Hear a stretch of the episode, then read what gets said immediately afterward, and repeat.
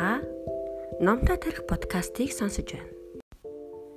Сургамжит өгүүлбүүдээс мөхөөлдсөний үнэтэй итгэл. Өнгөрсөн 7 хоногт би хүүхдүүдэд дагуулад ресторанд орсон юм. Энэ үед 6 настай хүү маань хооллохын өмнө хэлдэг залбирлын үгийг хэлхийг хүслээ. Бид бүгдээрээ тонгоон сууж харин хүү маань Бурхан хамгийн шилдэг нь, Бурхан хамгийн сайн нь хоол өгсөнд тань талархъя. Бас ээжийг зайрмаг авч өгвөл танд бүр илүү талархах болно. Бүгдийг Тэнгэр өшөөг гэв.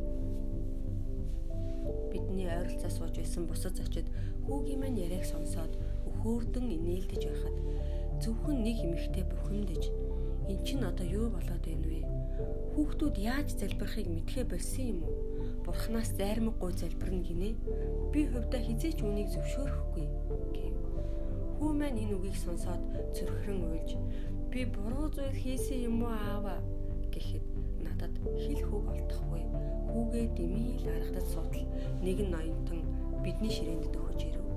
Тэгээд хүүрөө маань нүдэ ирмээд бурхан чиний залбирлыг бүх залбирлууд дундаас хамгийн сайхан нь байсан гэж бодож байгаа гэхэд хүү маань Үнэн үү гэж асуув.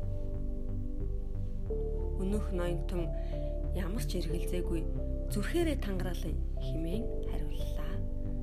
Тэгээд нөгөө ноёнтон тэр оройн буруутан эмхтэй рүү хараад хамгийн муу зүйл чинь зарим нэг хүн хизээж мөхөөлдсөний төлөө залбирдаггүй л байгаа юм. Баг зэрэг мөхөөлдөс ч гэсэн хүнд агуу их итгэлийг бэлэглэж болно шүү дээ. Мэдээж би хоолны дараа хүүхдүүддээ мөхөлдөс авч өгсөн. Тэр үе л миний амьдралын хизээч мартагдшгүй нэгэн дурсамж болон үлдэн гэдэгт би итгэж байна. Хүү маань мөхөлдөсөө үг дуугүй аваад нөгөөх зарчимч хадагтай мөрд очиж зогсхон тэр. Тэгээд их л сайхнаар нэмсэглээд мөхөөлдөс ч гэсэн итгэл өгдөг. Харин би одоо итгэлээ авчихсан болохоор танд өгмөр байна гэсэн итгэл юугаарч хязгаарлагдахгүй. Ганцхан мөхөөлдсөний үнэтэй юугаар цаашгүй итгэл хүртэл байдаг гэдэгт энэ үед л би итгэсэн билээ.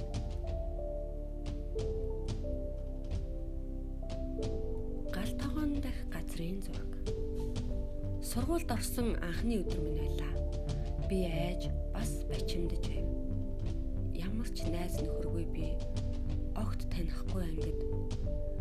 хинч намайг анхаарсангүй. Би бүх хичээлүүдийг уйтгартайгаар сонсч хоолны цагийг хүлээв. Хүлээсэн хонхч дуугарч ярих хөгжилдөх цаг ирлээ. Хэдийгээр намайг еврей үндэстэн ч гэлээ огт гадуурхалгүй хүлээ авсан нэгэн охин энэ үед миний жинхэнэ найз болсон юм. Мусульман эмэгтэйчүүдийн уламжлалт гэвлүүр зүүсэн тэр охин намайг өөрсдийнхөө ширээнд сууж хамт билээ. Би урайлгахан зөвшөөрч хоолны тавиураа аваад өнөөх охин руу алхахтаа хин нэгэн нуруу минь хүчтэй яваад авлаа. Эргэж харвал урт банзал өмссөн нэг охин би чамайг автобусанд явж байхыг чинь харсан. Чиний ингэрт еврейчүүдийн таван хошуу байгаа болохоор чи бидэнтэй суух ёстой гэв. Энэ мөчөд би Испани хүүхдүүд, Испани хүүхдүүдтэй, Орос хүүхдүүд, Орос хүүхдүүдтэйгээ нийлэн суусан байхыг анзаарлаа. Бусад үндэстний хүүхдүүд ч мөн адил ширээ ширээндээ суусан байв. Харин нэгч араб хүүхэд еврей хүүхэдтэй хамт суугаагүй байлаа. Би дайн яагаад ихэлснийг энэ мөчөд л ухаарсан юм. Бүх үндэстнүүд өөрсдийн гэсэн хэсгийг эзэлж галтогооны өрөө яг л дэлхийн газрын зураг шиг болсон байлаа. Яагаад үүнийг хинч харахгүй байгаа юм болоо?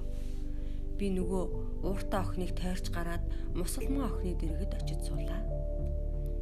Энэ явдал ямар ч өшрөхлийг эхлүүлсэнгүүгээр барахгүй хоёр орныг холбосон гүүрийг босгож чадсан юм. Энэ миний бяцхан даяаршлын эхлэл байсан билээ. Найз хിവэрээ.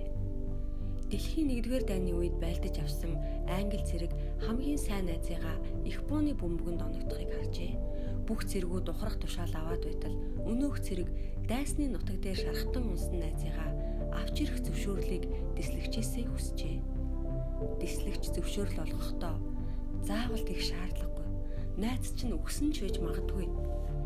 Чи ч гэсэн өгч мэднэ гэж анхааруулжээ.